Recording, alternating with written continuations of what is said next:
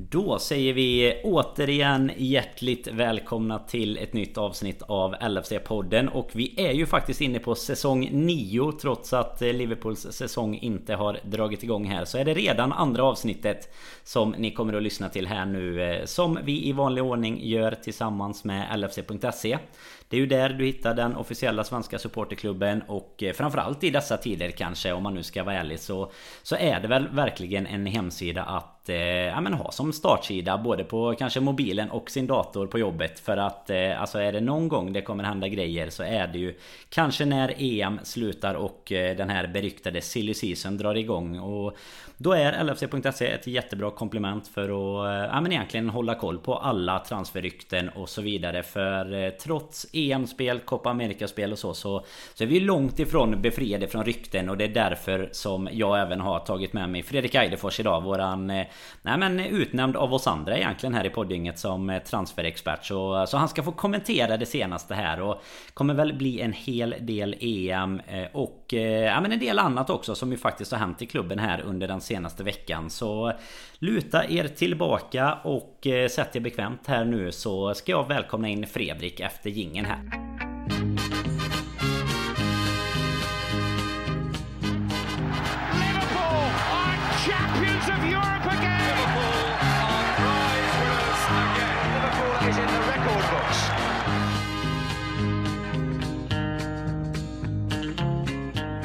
Jajamensan Fredrik, då gör du eh, säsongsdebut här i eh, säsong 9. Vad, hur känns det egentligen? Oj, ja, det känns eh, ärofyllt på något sätt. Man, eh, nej men det, det, är helt sjukt egentligen man tänker efter att man eh, Nu var jag ju med från, från verkligen från dag ett och har spelat in och det är som sagt det är mycket som har hänt. Jag trodde väl att eh, förhoppningen var väl att det var minst en mer än en eh, ligatitel man har pratat om. Men det har ju varit så mycket andra minnen. Man har ju lärt känna nya människor och hela den biten. Dig i det här fallet också Danne. Det är, det är nästan värt mer än två. En Premier League-titel och en Champions League-titel på så, bara så. Men, så är det ju. Vi, så, jag, måste, ja. jag måste ju bara avbryta säga vi, vi måste ju ha haft någon eh, sorts kontakt via LFC.se även innan det. Som, eh, jo, som gedigna medarbetare en gång i tiden när du gjorde dina ja. helt fantastiska YouTube-videos också. Det var ju... ba, bara det vill man ju komma tillbaks till att kunna veva på kvällarna. Det är ju ett eh, tips om inte annat att söka upp dina gamla videos. För det är fasen, det är kvalitet, osa kvalitet om dem. Ja det, var snällt av dig. Ja nej men det, det känns i alla fall eh, riktigt gött och det är... Eh, ja, det, den här säsongen känns ju som vi ska gå in i här och nu. Det är, man har ju mycket förväntningar. Vi visste ju och pratat om under en hel säsong hur skador har förföljt laget och eh, VAR-beslut och hela den biten. Nu hoppas jag verkligen att vi kan sitta den här säsongen och bara prata om goa minnen, nya eh, framgångar och eh, framförallt då ett, eh, ett Liverpool som kanske kommer in med lite fans på läktaren och hela den biten som jag tror vi är tillbaka till det normala för det är där vi uppenbarligen presterar bäst så att mm. nej det känns Det känns bra att sitta här nu i avsnitt två. Du var ju du, du startade faktiskt säsong, säsong 9 här nu med, med Robin senast. Mm, vi åkte du, inte till, du, vi åkte inte till OS så som du gjorde. Du skulle ju eh, bestämt spela OS-podd här innan, eh, ja, innan vi kunde gå igång. Och, men, men du, på tal om minnen som du nämner. Jag tänkte eh, känna tempen med er. Har det, blev det något midsommarfirande eller blev det bara firande att det var ett år sedan titeln lyftes?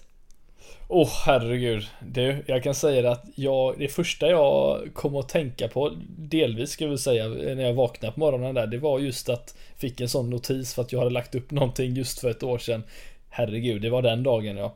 ja det var, vad ska man säga om, om den, eh, den dagen i sig Danne, det var en dag man aldrig trodde man skulle få uppleva. Var det inte så? Jo men alltså, någonstans blev det ju det efter, med, med åren liksom. Jag menar vi har mm. så många Alltså så många andra platser tänkte jag säga. Det är ju inte så många egentligen. Men som det har känts som det vi har varit liksom det laget som folk har förväntat sig ska vinna och sådär. Både egentligen ja, men 08-09 och 13-14 framförallt då. Som, eh, som sen inte slutade riktigt som man hoppades. Så det, det var 18-19. 18-19 sen jag i och för sig också. Den, den glömmer man bara för att Mest vi vann. Av den, ja, men bara, ja, men bara för att vi vann Champions League. Där så känns det ja. som man ändå fick med sig någonting liksom. Men det var ju såklart så att man, man någonstans inte kanske riktigt vågade hoppas Eh, att det skulle hända även om det såklart tidigt under säsongen kändes väldigt bra. Men sen hela antiklimaxet på hur den ändå blev på något sätt. Den, den Dagen är så sjuk i sig men den hade ju kunnat vara så extremt mycket bättre. Det är ju det som är det värsta att, eh, att konstatera helt enkelt. Och, och jag måste ju säga att eh, som, som alla vet liksom ingen landslagsälskare av rang på det sättet. Men alltså sitta och kolla på EM, alltså typ när man kikade på, på Danmarks matcher till exempel på, med nästan, alltså det känns som att det nästan är fulla läktare på parken även fast jag inte tror, eh, tror att det är det. Vi kan ju på, på tal om det kan vi faktiskt, eh, vi, vi kan ju säga att det är därför Robin är inte med idag. Han är ju på, på parken just, just i detta nu faktiskt och kollar på Kroatien-Spanien. Det är ju mm, första matchen eh, vet jag som han gör live ända sen vi var på VM-finalen ihop i Qatar. Så att det är är väl en 17-18 månaders eh, frånvaro från läktarna. Så att han, han tjuvstartade lite innan eh, dig och mig här innan Premier League-säsongen kommer igång. Så åkte han ner och kikade lite EM-fotboll när det spelades på, på granngården där eh, nere bredvid Skåne. Så Nej, det... Tog den korta resan. Men han fick inte se en Thiago verkar det som heller. För han har inte bytts in. Kan ju säga att matchen håller på. Det är ju övertid under tiden du och jag sitter och spelar in detta. Just nu här nu. Men Thiago får han inte se spela då. Han får han får nöja sig med lite sol och bärs istället i, i dansklandet. Jag tror att de hade gjort sina fem byten med innan vi ja. Eh, började mm. spela in precis va. Så att det är eh, ja. som du säger. Och det var ju ändå Thiago Cam som man skulle hålla. Så att det, det känns väl ganska skönt för han. Kunde han eh, ta en öl och slappna av lite. Sikta på avbytarbänken eh, Exakt, det var, det var en enkel... det var en enkel mycket att följa. Nej, exakt.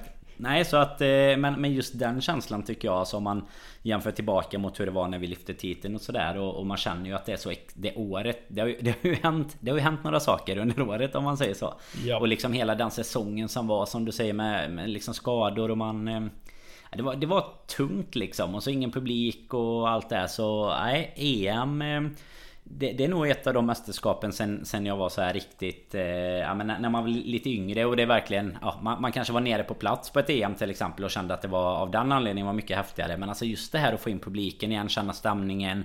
Bara vänja sig vid att det inte är någon DJ som bestämmer när det ska låta som att det har varit ett läge eller inte. Alltså det, det är något speciellt med det där och, och man har väl... Eh, man har väl fått lära sig det nu att man aldrig får... Eh, ja vad ska man säga? Man, man måste alltid uppskatta det för att det är en sån jäkla stor del av sporten och... Eh, nej, hoppas verkligen att... Eh, att vi ska kunna göra någonting för att kunna få uppleva även en sån grej på, på plats faktiskt. Sen, mm, sen är det väl tufft. Vi ska snacka transfers tänkte jag idag. Och bland annat då. Och det är klart att när, när City liksom ryktas om Grealish och det är Kane och sådär. Och så det, det, är ju... Det, det, känns ju som att vi har lite att jobba mot om man säger så. Jag menar ett Chelsea som har vunnit Champions League och säkert också kommer spänna bågen lite och sådär. Så ja, vi får väl... Eh, vi får väl se. Men Klopp har ju gjort under förra i det. Så att eh, det, det lär vi väl få anledning att återkomma till här eh, nu under, ja. under ja, säsongen här. Men Innan vi går in på några transfers och sånt så tycker jag också att på tal om eh, när vi, när vi går lite så här memory lane här. Det är ju faktiskt eh, fem år på dagen eh, med Sadio Mané i klubben. Har det ju vevats ganska friskt från faktiskt från klubbets håll både i sociala medier och annat. Men Tycker ändå att det är värt att lyfta även om nu eh, det har mest varit kritiska ord kanske under den eh, sista gångna säsongen kring våran käre Mané. Men eh, fem år, vad, vad säger du egentligen? Det är ju, det, det är ju verkligen de åren som som verkligen, alltså både det Mané har varit med om är ju även det som alltså hela Klopps Liverpool har varit med om egentligen. Mm. Nej men alltså, man, man, får ju faktiskt eh, inte bara försöka komma ihåg det, det, mest, det, det närmsta på näthinnan i form av du som nämnde då den senaste säsongen för den för Sadio Mané var allt annat än det man hade, förhoppa, för, hade förhoppa, eh, hoppats på egentligen. Eh, de förhoppningarna man hade var ju att han skulle fortsätta där han var innan, det vill säga att eh, nästan ligga där uppe på skytteligaledarnivå som han gjorde två, två säsonger innan och eh, han har ju revolutionerat Liverpool på, på många sätt och vis med Ja men lite som, jag vill inte dra jämförelser men man måste nästan göra det för folk pratar ju om Ronaldo när han spelar i Premier League om den här wingen som Ja, han var grym med båda fötterna, han var grym i straffområdet, han var fantastisk på att nicka in bollen. Sen han lämnade har vi ju inte egentligen haft en sån spelare, vad, vad jag vill minnas eller kommer på här nu, men Sadio Mané har ju faktiskt eh, ja, om man har plockat upp den manteln efter, efter honom på det sättet så den typen av spelare som han kom in och faktiskt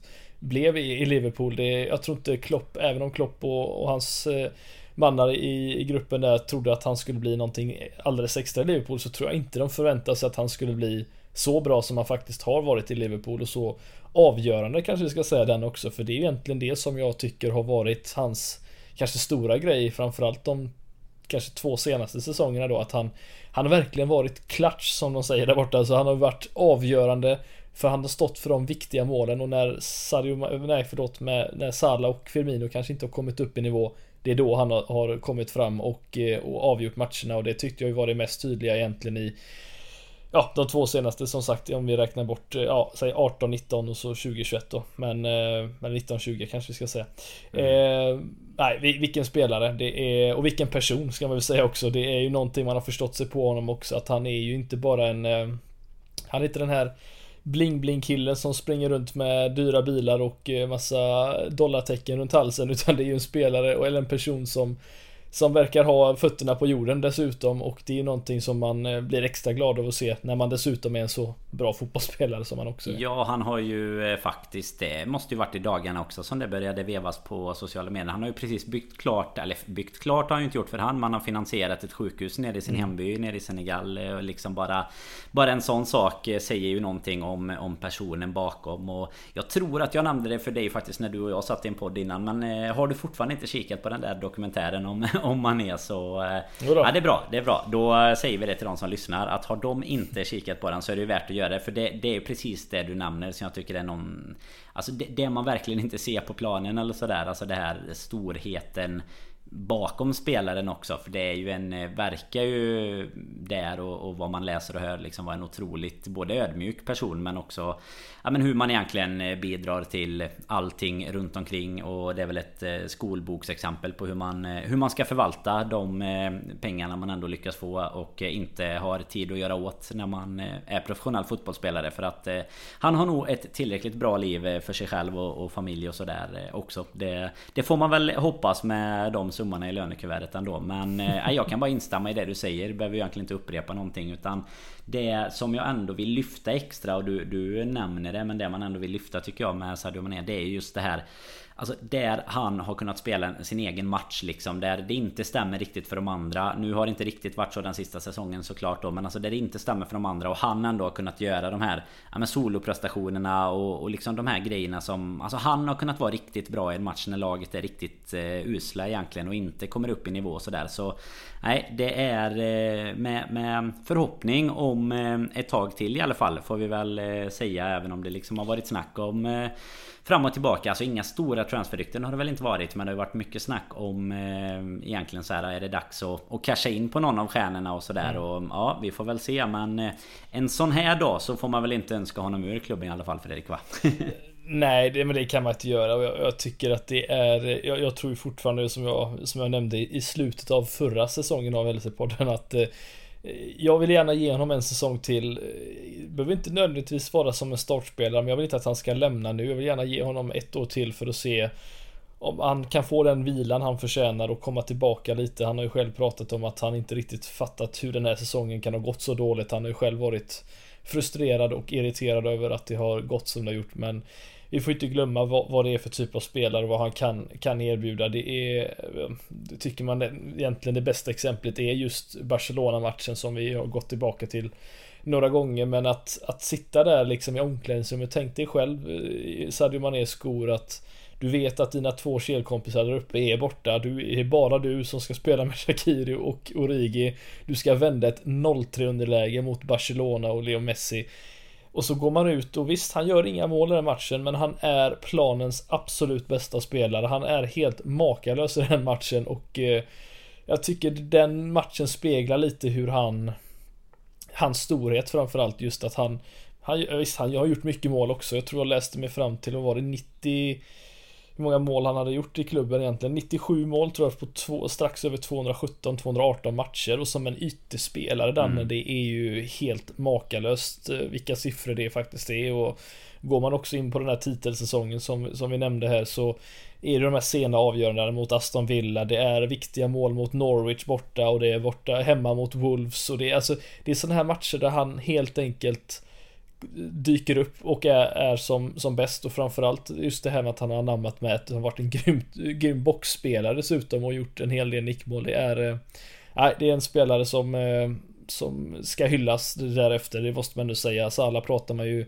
väldigt mycket om som kanske en av de bästa genom tiderna i klubben, men som en wingspelare hela den biten så är ju Sadio Mané absolut där uppe också med tanke på vad han har, har åstadkommit i klubben. På, på fem år som du säger också. Det är ju bara det Ja, så är det ju. Båda de två som du nämnde där Salamane kommer ju eh, kommas ihåg och hyllas som eh, ja, men otroliga alltså legender när de väl drar vidare för det de gjorde under de säsongerna vi har varit eh, så extremt bra såklart. Och, och det är väl lite så att eh, visst att de har gjort varandra bättre och hela den biten. Men såklart så överskuggas ju de siffrorna som du nämner. Eh, där med Mané, alltså hans eh, mål och sådär. Det överskuggas ju såklart lite av att att Salah har en liknande position på andra kanten och liksom verkligen Alltså bombar alla rekord och allt som, som finns egentligen. Så det är klart att eh, det, är ju Han har ju tuffa jämförelsetal om man säger så att eh, spela mot. Men nej, lyfter på hatten för Sadio Mané och eh, hoppas på lite återkomst i formen den här säsongen nu när han har fått fira, fira fem år i Liverpool på Merseyside där. Och en sak till Fredrik som ju faktiskt har hänt alldeles purfärskt nästan här i, i dagarna. Det är ju att på tal då om transferrykten men inte till Liverpool så har det ju seglat upp en ny favorit till eh, ja, men grannklubbens eh, managerjobb. Du eh, förstår vad jag pratar om. Carlo Ancelotti tog första bästa chans han kunde och drog alltså, när... det är helt sjukt det där. Det är nästan som att han förtjänar en podd bara om det också. Fast kanske inte här men någon annan gång. Men alltså vilken... Vilken soppa som klubb alltså ha, få in den bästa tränaren meritmässigt du någonsin kommer att ha. Och så drar man Alltså drar han så alltså, fort det, alltså, nu, nu, vet jag inte om det var liksom första erbjudandet han fick men det känns ju nästan så som att så här Ja ja nu, nu kommer en lite större klubb här och knackar på dörren. För jag menar det är klart att de, tanken var väl inte att kanske Ancelotti skulle vara där i 20 år men i alla fall att de skulle kunna bygga någonting på ja. hans filosofi och sådär. Då sitter ju de i ett läge som, eh, ja men egentligen alltså då, det, det blir ju ett litet sånt här mellanläge. För jag menar de har, de har eh, stora saker på gång med nya arenor och sånt som pratas om. Och, och det är klart att eh, med, med ägare och sånt där som ändå är villiga att spendera uppenbarligen emellanåt som, som de ju har gjort. Även om de inte har tagit sig in i av de allra högsta positionerna nu de senaste åren så, så hamnar de ju i ett sånt här läge där jag kan tycka att det, alltså inte på riktigt jämförbart med vårat läge var när Klopp kom in. Men alltså lite så här att de, de står ju i ett vägskäl där att få in en, en, ett toppnamn på managerposten kontra att få in någon av de här brittiska klenoderna liksom. Det, är ju, det kan mm. göra väldigt stor skillnad. Och då som sagt har ju eh, Liverpool-bekantingen minst sagt Rafa Benitez helt plötsligt här i veckan dykt upp som eh, som, en, nej, som egentligen det, det allra hetaste alternativet skulle jag säga. Och eh, det är ju så att eh, trots att vi inte är Everton-podden så kan vi inte riktigt eh, gå förbi det faktumet att mannen som kom och bidrog till 2005 i Istanbul och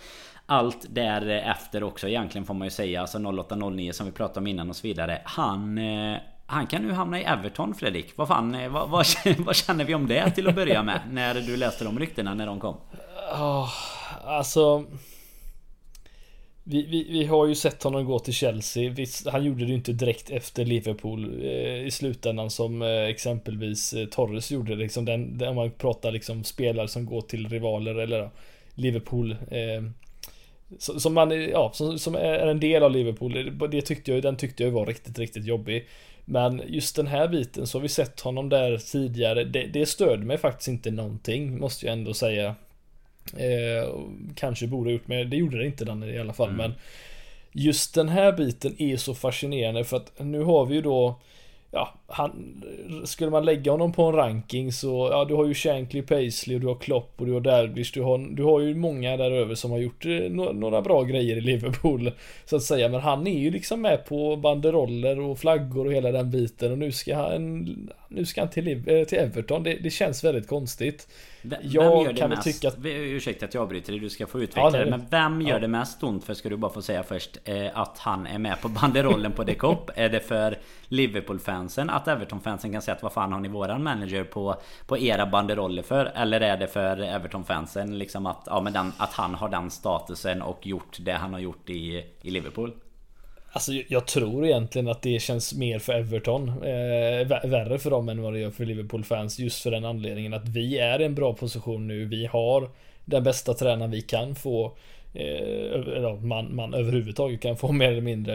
Eh, Och Everton får då in jag vet inte, man, man ska inte säga used goods så att säga, eller men, men det blir nästan den grejen av att nu, nu tar ni in det som ja, vi inte har kvar längre, då, då ska han göra under mer liksom. Det, jag tror det gör mer ont för Everton än vad det är för Liverpool, men jag, jag, ska jag vara helt ärlig, jag har inga problem med det i slutändan. Jag har bara kärlek till Rafa Benitez eh, ändå och man möter honom två gånger på en säsong. Det är helt fine för mig. Eh, däremot så ser man ju framför sig scenariot att de, eh, nu kommer det inte hända överhuvudtaget, men jinxar jag ju säger, men eh, att de hamnar över oss nästa säsong, för det tror jag inte. Men eh, det hade varit lite mer jobbigt, för då har de ju någonting att, att slänga i brasan så att säga. Det är eh, det hade varit det värsta. Men nej, jag har inga problem med att Benitez går till Everton om jag ska vara helt ärlig. Alltså jag tycker nästan att det är Alltså när jag såg nyheten först så tänkte jag så här, äh, men vad fan det där får inte hända liksom. Och sen då när man ändå sätter sig och funderar lite på det så tycker jag nästan att det jobbigaste är eh, precis det du är inne på. Att man har inget annat än kärlek till Rafa Benitez egentligen. Och det, det blir nästan tråkigare att möta Everton när de ska ha en tränare. Och det är samma om de skulle haft en spelare eller någonting som, nej men som man tycker om och, och liksom respekterar och, och, inte så enkelt skulle kunna kasta bara liksom. Utan eh, man vill ju att det ska vara lite hat emellan liksom. Någonting mm. som brinner till och då är det så här, jaha. Där kommer Benitez liksom Hillsborough eh, Ja men alltså för allt han har gjort ja. för liksom hela den fighten och Champions League-buckla och Alltså hela den biten blir så här, ja, ja men Det är ju en god gubbe som kommer här och promenerar Han får vi ju krama om liksom Alltså det, det är lite synd tycker jag men, men jag jag, jag, kan ändå köpa om man nu bara ska gå Det är ju samma som när man bruk, brukar pra, äh, prata om spelare som går till Londonklubbar och sådär Alltså jag kan ju köpa Han har ju kvar sitt hus i Liverpool Hela den biten att, ja. att han eh, det, det, är ju en, det är en fantastisk möjlighet för honom För han kommer ju inte träna Liverpool igen det, det är vi nog ganska rörande överens om Och jag menar då då är ju alternativet om du ska bo där att träna Everton eller någon av klubbarna som ligger ja, men någorlunda i närheten. Och jag menar du får inte en så mycket bättre klubb kanske än Everton egentligen i, i hans läge just nu känns, känns det som. det passar honom bra också. Ja alltså... men lite så. Han kommer ju kunna, han kommer ju kunna göra mycket med det materialet antagligen. Sen, eh, sen det som vi nämnde bara för övrigt. Det sa vi inte så mycket mer om kanske. Den här banderollen eller bärnen eller ett jäkla lakan eller vad det var som. Det var, det var ja. ju så att det är ju någon som har lagt utanför. Eller strax i, i området utanför hans, eh, hans hus då. Att eh, liksom nu, nu har jag det inte framför mig så texten kommer jag inte exakt ihåg. Men ungefär att han, du, du ska absolut inte signa för vi vet vart du bor liksom.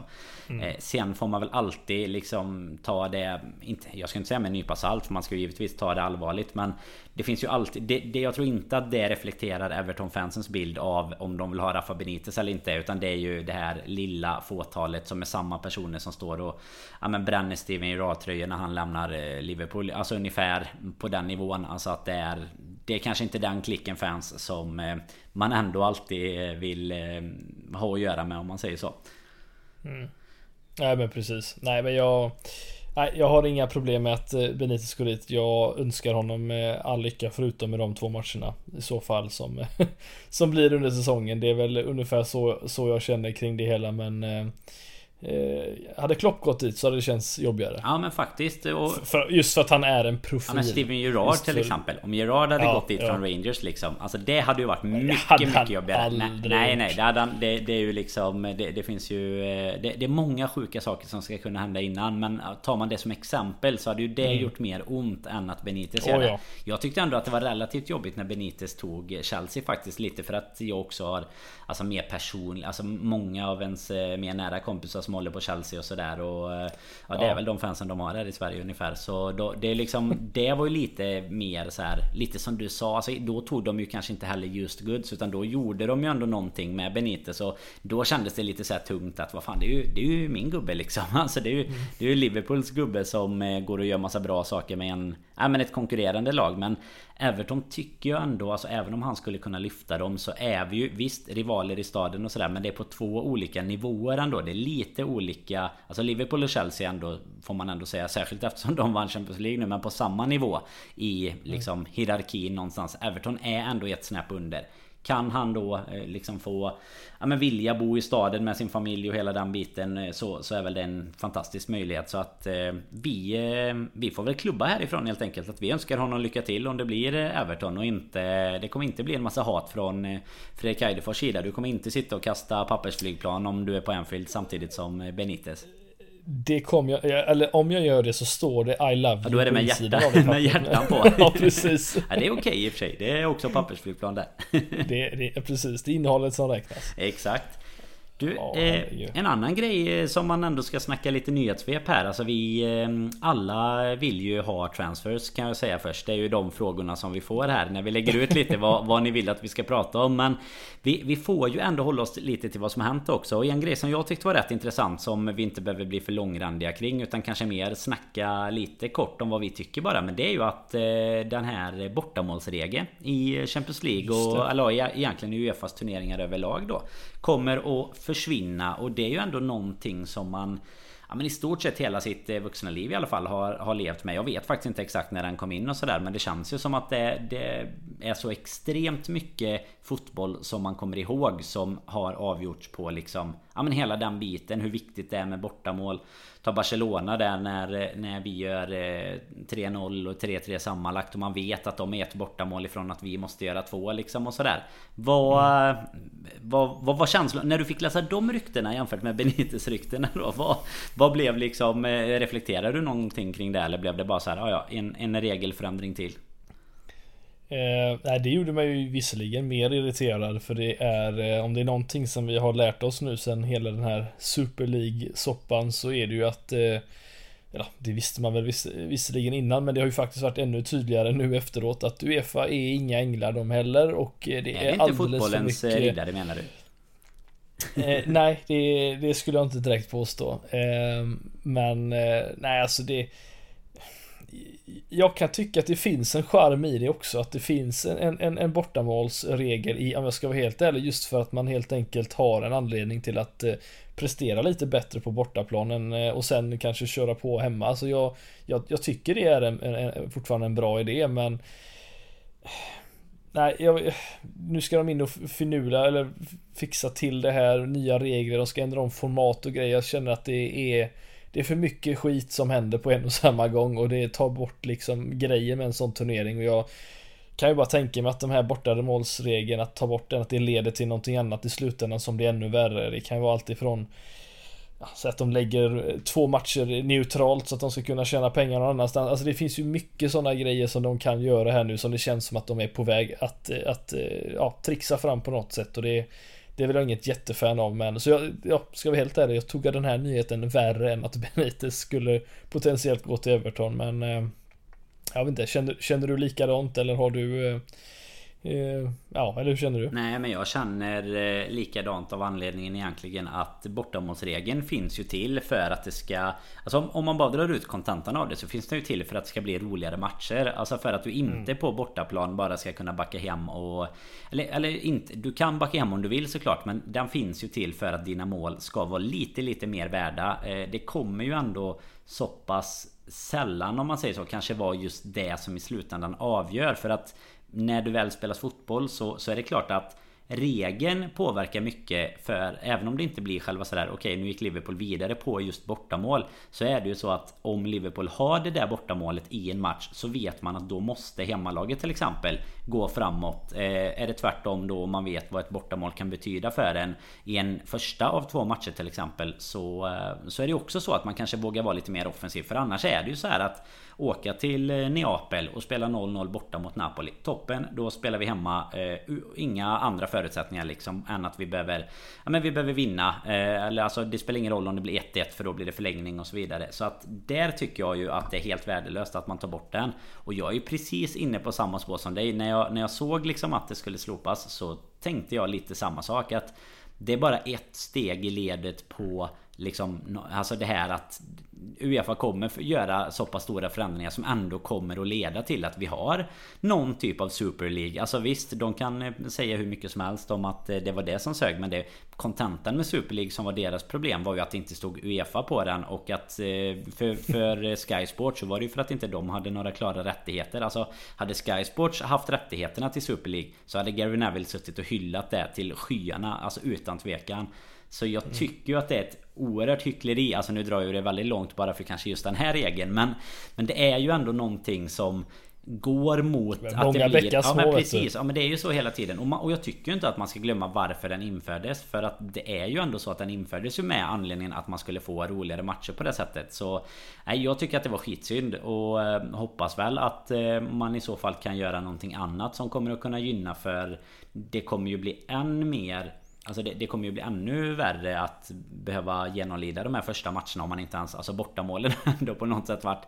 Alltså första matchen av ett dubbelmöte och det är en tråkig match Då är ändå bortamålen det som så kan lyfta matchen. Bara, ja, vi gjorde i alla fall ett bortamål och förlorade med 2-1 Eller vi, vi vann med 1-0 och det betyder jäkligt mycket. Alltså utan det så, så känns det som att Det här som du säger, spela en match och spela på neutral plan istället Det hade ju nästan kunnat vara mer spännande. Men eh, problemet med en match är att då får inte Uefa lika mycket pengar som de får om man spelar två matcher. Så det kanske blir tre matcher istället och så blir det tre, liksom tre eh, Hockeyslutspel till slut och så sitter man och... Ja, bäst av sju. Ja, sen... Nickmål räknas som två mål. Sitter man och håller på eh, Rögle när de möter Real Madrid sen en dag liksom. Man har ingen aning om vilken sport det är man spelar dans. Nej nu, nu drar man det så långt såklart. Men det, jag, jag tycker det är jättesynd och jag, jag såg... Vi körde ju en liten omröstning om det. Ganska jämnt faktiskt. I om folk tyckte att det var bra eller inte. Så? Ja det var det faktiskt. Men jag vet inte heller om det är så många som reflekterar över vad det är eller inte. För att jag menar det är klart att man spontant ibland kan känna att det, Alltså går det mot en så är det jävligt tråkigt med bortamål. Alltså så, så är det ju. Så att eh, nej det finns väl för och nackdelar med det. Men vi, eh, vi klubbar även där då att eh, det var skit. Att det försvann. Så, så får vi väl hoppas att eh, det kommer några andra förändringar som går åt det mer positivare hållet. Men det är ju tyvärr inte det som som det har känts som under det senaste utan snarare anpassningar för att de här Super League-klubbarna om man nu säger så då De som var på väg att bryta sig ut ändå ska kunna anpassa sig till Uefa och då är det ju lite så här mm. Potato potato om, om det nu blev en Super League eller ja. om det heter Champions League men, men blev likadant ändå Precis. Så, ja, eh, annars, annars så tar vi väl regeln att alla matcher spelas på Anfield. Ja men det hade väl, eh, hade väl kunnat duga. Det tycker jag. Ja. Nej men det, det ser man ju bara nu med EM. Alltså vilken mardröm det är för... Alltså nu såklart med pandemi får man ju säga. Men vilken mardröm det är för, eh, för supportrar liksom. Vad fan det är ju... Satt faktiskt och pratade med, med en kompis om det idag. Jag menar ska du åka runt och Först ska du till Sevilla, Sankt Petersburg. Hade det inte varit inreseförbud till UK. Hade du varit i Glasgow och nu då till Rom om Sverige går vidare.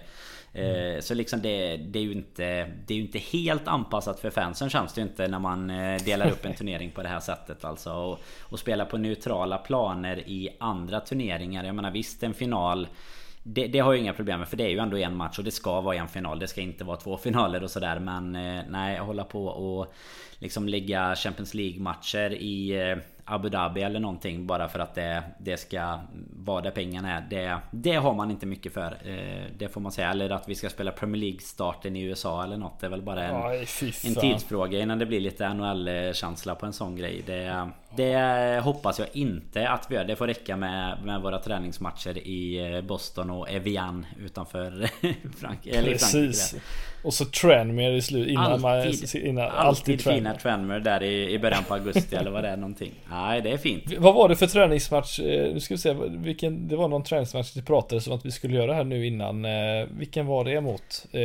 Det blev aldrig klubbat färdigt tror jag, men herregud, vilken match var det? Det har faktiskt gått förbi mig all EM, all EM-hets här nu i att det skulle vara någon ja, träningsmatch ja, på gång. Vi tar, vi spelarna, spelarna har ju faktiskt Vissa av våra spelare har ju fått eh, lite semester nu. Vi har ju Jota, Wilson, Neco Williams och ja, de som åkt ut. Vi får se med Shakiri ikväll. Thiago eh, verkar ju, det har ju spelat fotboll som du säger medan vi eh, har spelat in här. Och han verkar ju i alla fall få spela vidare även om inte just han spelar så... Nej det, det är väl lite tudelat det där. Vissa gånger tycker man kanske att det vore bra om om några av de lagen som man ändå inte har så mycket för kunde passa på att åka ut. Till exempel Portugal och Jota gör ju absolut ingenting att han får lite extra vila här nu tycker inte jag.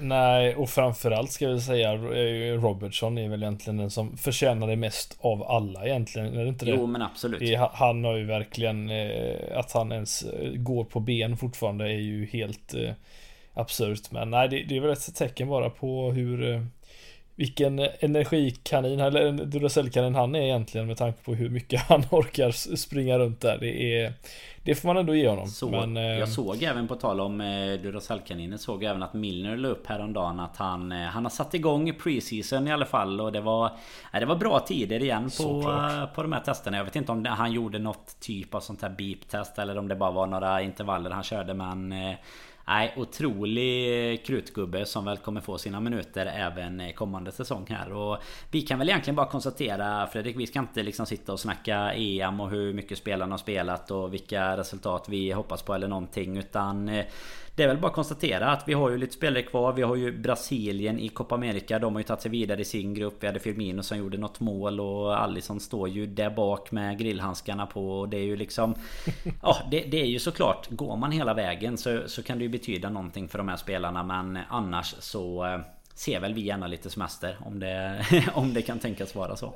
Ja, alltså det enda jag kan tänka mig det är ju att det blir som för många andra spelare så kan ju alltid EM vara ett, ett sätt att eh, öppna upp eh, plånboken för vissa lag och tar man en spelare som en Shakir exempelvis. Nu har det ju ryktats om Lazio här de senaste dagarna till honom och han har ju faktiskt när han, eh, ja det var väl egentligen en match som han har varit riktigt bra mm. mot Turkiet och då var det ju två baljor och ett assist och det är väl det han har stått för visserligen EM hittills men ändå får vi ändå säga.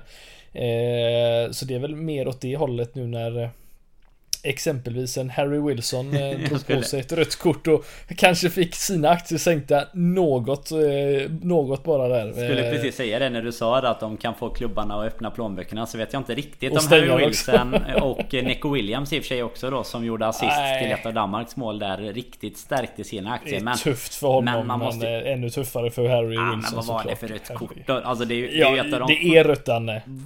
vad säger du? Det är rött Va? Tycker du det på riktigt? Det är klart. Ja, det är alltså, ett av de sjukaste röda korten jag sett i hela mitt liv. Nej, alltså han går ut med den frustrationen. Han träffar inte ens bollen. Det är bara för att skada spelare. Då ska man, då, då, då är det lika bra att ta fram det röda. För då är han bara en tackling ifrån att bryta någons ben. Det är bara att skicka ut packet i det här fallet. Så jag, jag, jag, jag tyckte det så, jag blev förvånad att det var rätt många som inte tyckte det var rött. Men ja, här är vi, är här är vi inte överens. Red Här är vi inte överens. Jag tyckte knappt... Alltså, vi får fråga knappt, Robin som är domare, licensierad domare. Jag tycker ju knappt att det är... Alltså det är klart han ska ta upp det gula men det är ju alltså... Ja, Nej, det vet i fasen. Vi får, Robin får avgöra det nästa gång. Som Vi, vilken var tydligast? Den eller Lazar Markovic eh, ögonpetning Nej, på Berang Safari? Ja, att, att du ens påminner mig om den. Den är, den är... Eh, då får eh, Wilson ta det röda ändå. När Markovic ska stanna på plan. Alltså fy fan. Den är så sjuk. Den är så sjuk. Den, det lilla fingret som är uppe i ansiktet där. Eh, nej, det. Markovic är kvar på planen av de två i alla fall då. Det, det får vi säga. Ja, nej, det får vi, vi får väl ge honom. Jag bara funderar på, frågan är om inte i den matchen om vi bara ska gå återigen tillbaka. Var det inte vem var det som var domare? Jag för mig att det var han, var inte det, det var inte Jonas jo, Eriksson som jo, var domare jag tror, den matchen? Jag tror att det var så, jag för mig. När du säger det så är jag ganska säker, vi får killgissa lite, men att det är en, en svensk som dömer den och då måste det ju vara... Det var inte Anders Frisk Nej, han, eh, han fick ju lägga av tidigare, tänkte jag säga, men... Eh, nej, det måste... Nej, det var fan inte det. Det var... Det var Kuipers var det. Ja, lika. Björn Kuipers, han som tränar, eller han som är domare. Ja, ja, skitsamma. Jag bara fick en känsla av att det var en svensk som var inblandad, men det var det inte. Vi har ju... Eh, Safari det, det kan ju vara så att vi hade väl honom som domare i... Eh, I Basel. På eh, Europa League-finalen däremot. Så tänker du Basel Liverpool så kanske det var därför som du eh, tänkte på just eh, den gode Jonas Eriksson. Han gör ju sitt jobb i SVT-studion nu här under eh, under EM också som... Ja, studiorna lämnar väl en del att önska. Det får vi säga Fredrik. Det, det får de... ja, det, alla, alla kan ju inte vara Hasse Backe. Nej. det är väl... Det är väl... det får, han, får, han får ju oss att framstå som, eh, som om vi har poddat i 150 år mer eller mindre. Att vi känns ju erfarna experter här på något sätt när man hör honom sitta och prata. Det är ju... Man undrar... Nej, det är fascinerande man undrar ibland, Man undrar ju ibland vad...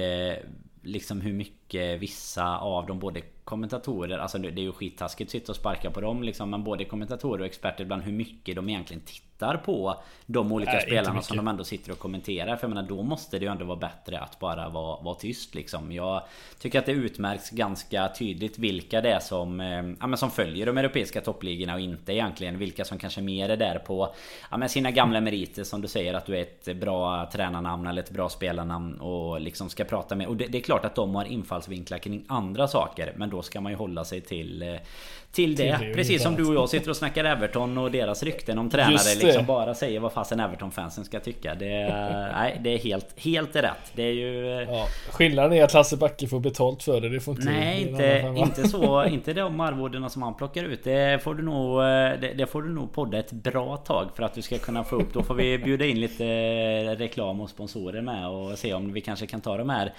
Just dit och alla de här som kör EM hela tiden nu bara in på dem för... Ja, eh, nej, det, Det är lite annat där Fredrik, det får man säga. Men eh, till, ja, till våran eh, sista topic egentligen då. Det är ju dessa eviga transferrykten egentligen. Och mm. det som vi måste börja med, det är Paul Andersson som frågade på Twitter nu om vi inte bara en gång för alla kunde döda Mbappé-ryktet för att han var så jävligt trött på att det hela tiden står om Mbappé på Twitter och, och Facebook och så. Kan du döda det åt honom?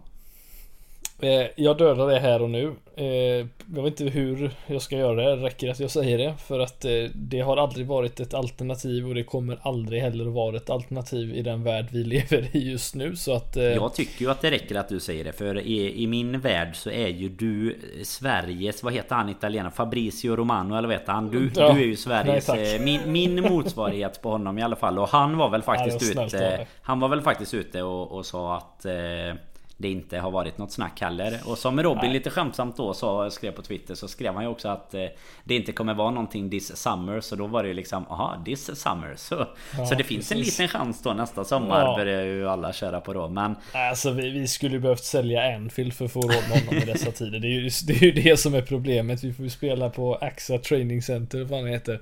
Eh, alltså det är... Det har gått bra för Real Madrid i och för sig och spelat på sin träningsarena hela Ja, det har det visserligen gjort. I och för sig utan eh, publik då. Ja, jo, det är sant. Nej men alltså det är, det är klart att det hade varit fantastiskt att få in en sån spelare, men Liverpool är inte Alltså, vi har ju dragkrafterna. Han skulle absolut kunna, jag tror absolut han skulle kunna tänka sig att spela Liverpool så sett. Det tror jag inte han är, är emot, men det är väl just det att eh, det finns lite andra faktorer som eh, heter pengar och eh, agenter och allt vad det har att göra med som gör att Liverpool har inte en chans eh, att, att köpa Mbappé, det, det, jag, jag, jag ska vara helt ärlig, jag tror inte det finns någon klubb som egentligen har råd att köpa honom om man ska vara helt ärlig. Bara rakt av sådär, då får det ju vara en en bytesaffär med pengar eller något i den mm. stilen mm. för så mycket pengar som han kostade PSG från första början. Så eh, ja, nej det ska extremt mycket till och det är ju ja, sådana summor alltså, som Liverpool. Ja, men det är sådana summor vi aldrig... Och, ja. ja. Nej, vi är helt enkelt inte vi är inte den typen av klubb som skulle kunna få in en sån, men det, det, jag nämnde faktiskt för några, jag vet inte om det var kanske något år sedan eller det kanske var nyligen, mer nyligen så. Det, det enda som skulle vara, det, jag vet inte ens om det är möjligt, du får skjuta ner idén om du känner att den är alldeles för dum, men det är ju hela den här Nike-historien vi har pratat om, alltså hur, hur, hur alltså tröj, ja, alltså skulle Mbappé gå till Liverpool Alltså den mängden tröjor och eh, merchandise som vi skulle sålt på grund av den transfern. Det hade ju gett oss eh, en, eh, man ska inte underskatta vad det skulle kunna ge med tanke på den dealen vi har med Nike och de tröjsponsorerna. Jag vet inte om en sån möjlighet skulle kunna gå, alltså med tanke på om de skulle vara inblandade. Alltså Nike kan inte gå och köpa Mbappé, det fattar jag med, men just hur en sån typ av grej, alltså ha en Starboy, ja, ett ansikte utåt på det sättet, det finns ju absolut en det skulle absolut kunna gå, men jag vet inte någonsin om det är möjligt som en klubb att få in en spelare på det sättet. Men eh, utöver det så kan jag säga att det finns ingen chans att Liverpool får in Mbappé. Tyvärr. Det är väl det är väl den bistra sanningen. Jag tror ändå att om, om man ska säga så, du, du är ju en grej på spåret. Nu, nu kanske jag ändå ska skjuta ner att jag inte tror att det kommer hända med Mbappé. Men det finns ju vissa faktorer som man ofta glömmer. Alltså lite på samma sätt som vi glömmer att Rafa Benitez vill bo i Liverpool och därför kan tänka sig att träna Everton. Eller att typ spelare, alltså att det finns mycket mjukare värden bakom så är det ju också så att i transferhistorierna idag så finns det ju mycket mer än klubb betalar pengar till annan klubb spelare flyttar sig liksom. Det finns ju mm. oerhört många parametrar vad gäller både agenter som du nämner bland annat sen också sponsorer faktiskt som ja, men som både kan vara med och påverka att du på viss alltså att du att du till viss del förhandlar med framtida intäkter alltså det, när du köper en spelare till exempel. Du har ju givetvis alla andra dealer som kan också vara med. Nu, nu har ju inte det på en sån spelare eller en sån övergång som Mbappé. Men jag menar du pratar vidare försäljningsklausuler, återköpsklausuler. Alltså idag är ju en sån spelaraffär så mycket mer komplicerad än än vad man tyckte att det känns som att den var förr i alla fall. Då kändes det mycket mer som att så här, nu betalar Liverpool eh, pengar till Roma och eh, liksom det kommer en spelare som eh, inte gör så bra ifrån sig. Ja, åt andra hållet ungefär. Men eh, nej, så att vi, vi får väl se. Men Mbappé skjuter vi ner i alla fall. Om jag om jag går vidare till eh, nästa då som ju lite, alltså tycker jag i alla fall från verkligen noll och ingenting eh, kom upp lite här. Det var väl egentligen under helgen skulle jag väl säga, möjligtvis slutet förra veckan. Men Kingsley Coman eh, kom det helt plötsligt rykten om att det, det där kunde vara ett namn för, för Liverpool. Och då eh, måste jag ju fråga Fredrik Eidefors, vad, eh, vad har du där? ja, informationsmässigt så har jag ju lika lite som jag har på alla transfers i Har du inga agenter som skickar sms till Nej jag har ju inte det tyvärr. Det är, det är ont om det i dessa tider.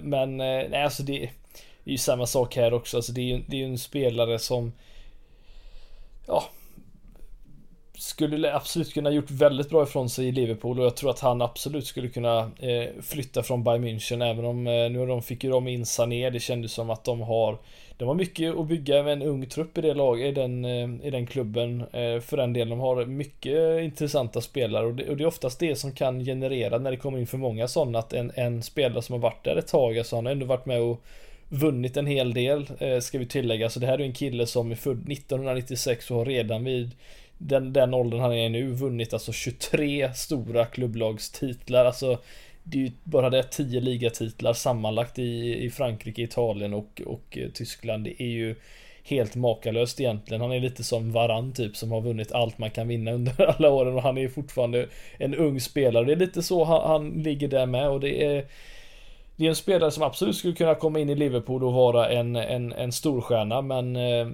jag, jag tycker ju inte det är den typen av spelare vi ska få in. Eh, framförallt inte vad det hade kostat för det har eh, Det hade inte varit gratis att få in honom, det kan vi ju vara ärliga och säga. Det är, han har väl ett marknadsvärde någonstans runt 50-60 miljoner pund men det är, ju, det är ju startgränsen, alltså det hade ju gått upp mot 70-80 för att få ut honom minst och det är eh, inte pengar Liverpool är beredda att, att, att betala, det är jag helt säker på. Så att eh, det har väl ryktats lite mer för United åt honom men nu får väl de Sancho istället och då får väl han stanna som sagt och skriva på ett nytt kontrakt och vinna fler ligatitlar i Tyskland för det uppenbarligen det man gör i Bayern München nu för tiden. Så att, eh, Bayern München och PSG ja, känns det som två ganska bra utgångslägen om man vill vinna om man vill vinna ligatitlar. Även Juventus, om du inte... Ju, Juventus också får man ju säga. Ju, han har ju ja. haft... Eh, klubbvalen har ju varit rätt i alla fall får man ju säga. Det finns väl ja. ingen riktig motsvarighet i England. Det skulle ju vara störst chans kanske i Manchester City att göra något Något liknande om man nu ska räkna liksom sex titlar på åtta år eller någonting. Men eh, nej det...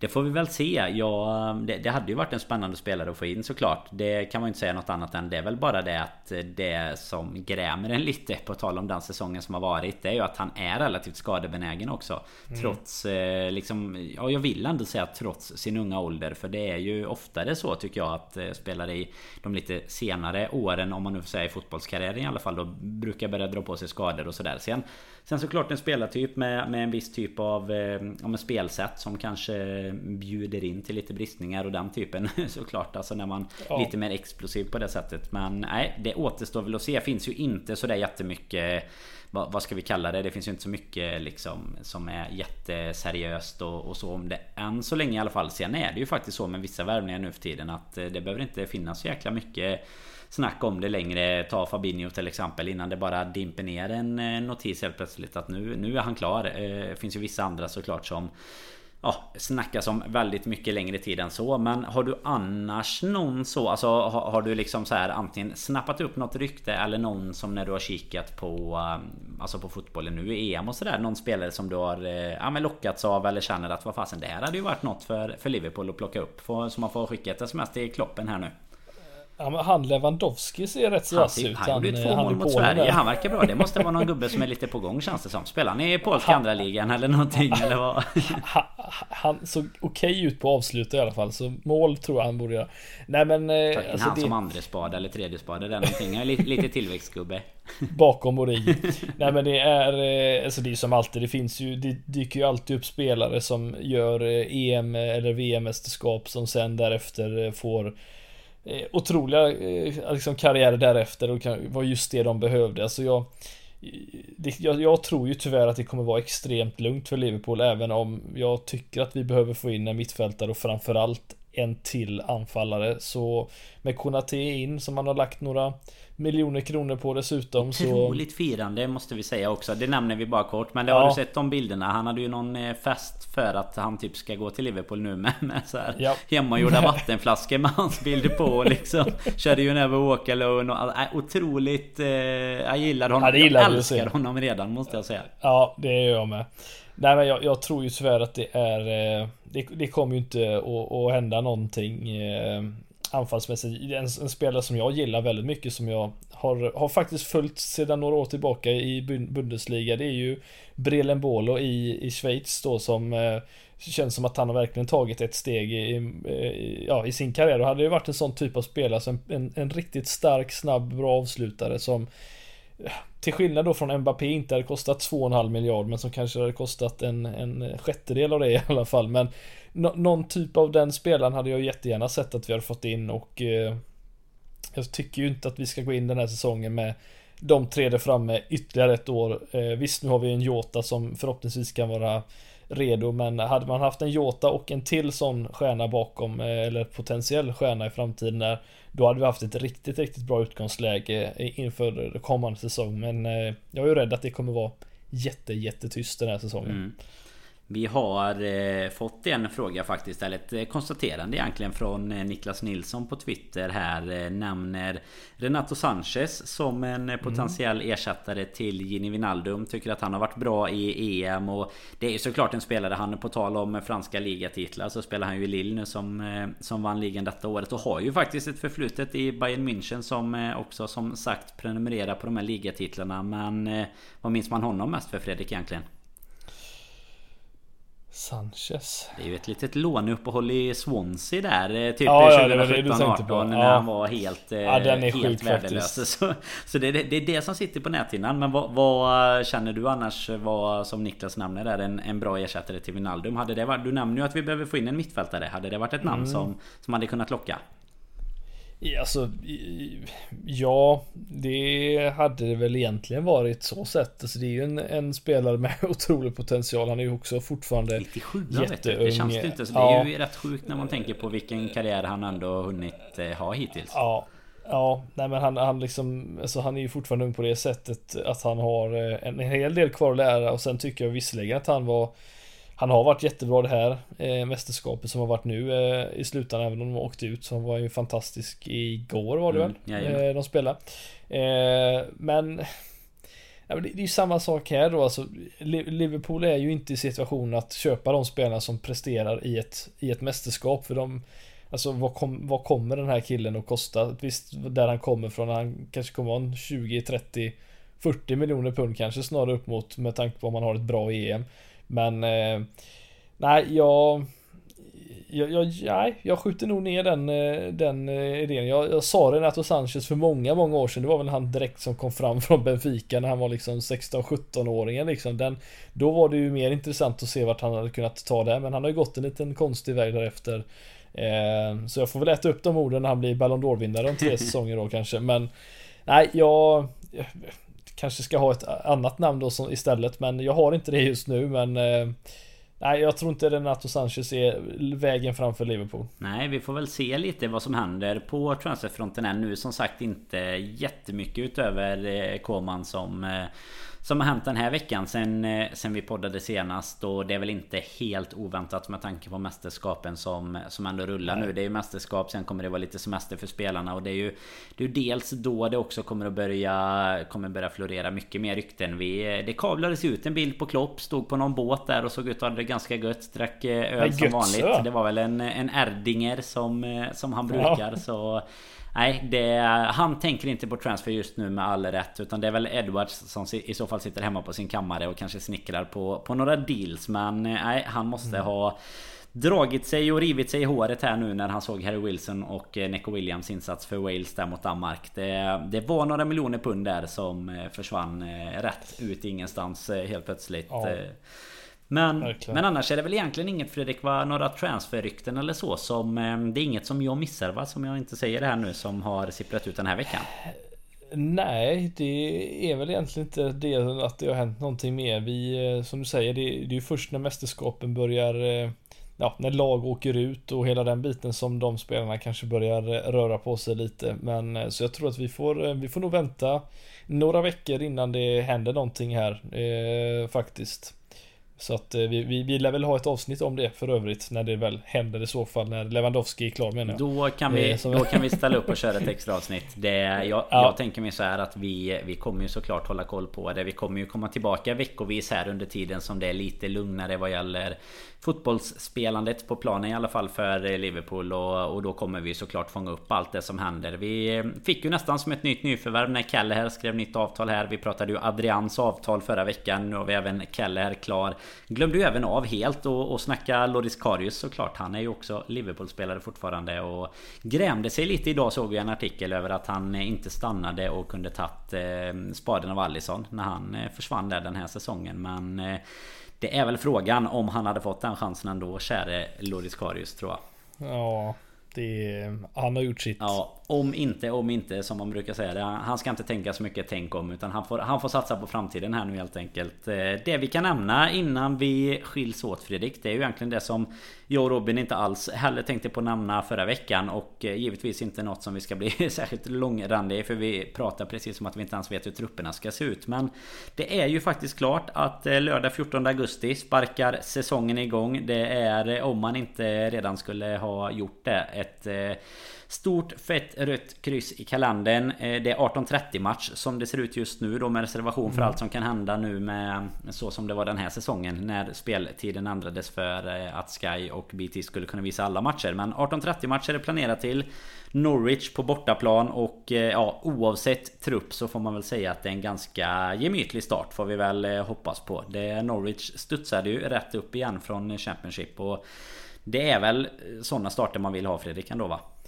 Ja, och utan att säga för mycket så vet jag vilka vi startade säsongen mot när vi vann sen, ligan senast. Eh, om vi, bara en sån sak. Visst, det var på hemmaplan men... Så är det. Ändå. Man, man ska så hitta... Att, eh, 4-1 säger jag här. Man ska hitta sina tecken. Det är bra, du, du tippar resultat nu redan. Så kan ni börja lägga in era tips här på, på Patreon. Så får ni kommentera på andra nyheter just nu. För vi har inte lagt upp tipstävlingen än. Men Tror ni er veta hur den ska sluta så är ni hjärtligt välkomna att ändå kommentera avsnittsnyheterna. Om ni... Då ska jag gå tillbaka och se till att ni får eh, lite priser hemskickade också. Så In på Patreon om inte annat och följ oss där med för att inte missa om det nu kommer hända någonting med, med resor och sådär. Vi har ju faktiskt snickrat lite på en podden Away redan utan att eh, egentligen veta så mycket mer om vad vi kommer kunna få göra. Men Gäller att vara ute i god tid eh, Vi vet att det finns intresse där ute. Alla vill väl Ja men upp på sadeln igen vad gäller heller att kunna åka över och titta på matchen nu efter att man inte har kunnat göra det på så länge. Och eh, då är ju kanske inte Norwich borta den matchen vi kommer åka på Men eh, följer ju lite hemmamatcher där sen också Så att eh, vi får väl ta sikte på någon av dem där Fredrik Det... Vad, vad, vad sägs om eh, Brighton hemma den 30 oktober? Nej, det låter väl eh, perfekt. Liknande Cardiff-matchen ja. vi hade för några år sedan. Det var ju också Brighton på den Alltså jag blandar ihop dem nästan. Undrar varför man gör det? Kan det vara något kan, kan Måste vara något i vattnet där på, på öarna som gör att man Att man inte har så bra minne från alltihopa alltid. Men Det är väl eh, Brighton och Cardiff som de två matcherna har varit som vi har eh, har kikat tror jag va? Så eh, mm. nej, det ligger väl ganska bra i tiden. Vi, vi, får väl se. Vi kommer givetvis uppdatera er även på det. Vad som händer kring ja, men biljettsläpp och, och hela den biten när vi vet hur hur många som får gå in, om vi får åka, när vi får åka och så vidare. Just nu som, som sagt, vi nämnde väl det kort i förbifarten att det är inreseförbud till UK nu för svenska fans till exempel som ville åka till Glasgow och sådär. Så det är ju fortfarande många eh, knutar som ska knytas upp helt enkelt innan vi, innan vi kan säga alldeles för mycket. Men eh, nej, gäller att ha drömmarna Fredrik va? Det är ju ny säsong, ny säsong på gång och eh, då, då har man ju alltid alla drömmar under sommaren här i alla fall innan, innan någonting kan förstöra det här i början på säsongen. Oh, precis. Med eh, de orden så tycker jag väl att vi eh, knyter ihop påsen för idag. Vi eh, sammanfattar egentligen allt i att Mbappé kommer tyvärr inte bli någon Liverpool-spelare. så, så tråkiga är vi. Men vi kan ju samtidigt konstatera att fem år med Sadio Mané mycket väl hade kunnat ersätta den, den transfern. Om än kanske inte just nu men det låter vi vara osagt. Tills vi hörs igen nästa vecka så får ni verkligen ta hand om er. Hoppas att eh, många har fått börja gå på sin eh, semester här nu och kan njuta av sommaren. Men oss blir ni ju inte av med i öronen ändå utan vi kommer som sagt tillbaka veckovis här vad det lider. Skulle det hända någonting av helt annan magnitud Fredriks värvning av Lewandowski till exempel då, då lovar vi att vi även kommer dyka upp i, i lite mer komprimerad form i något kortare extra avsnitt sådär. Men tills vi hörs igen, ha det så bra så hörs vi nästa vecka.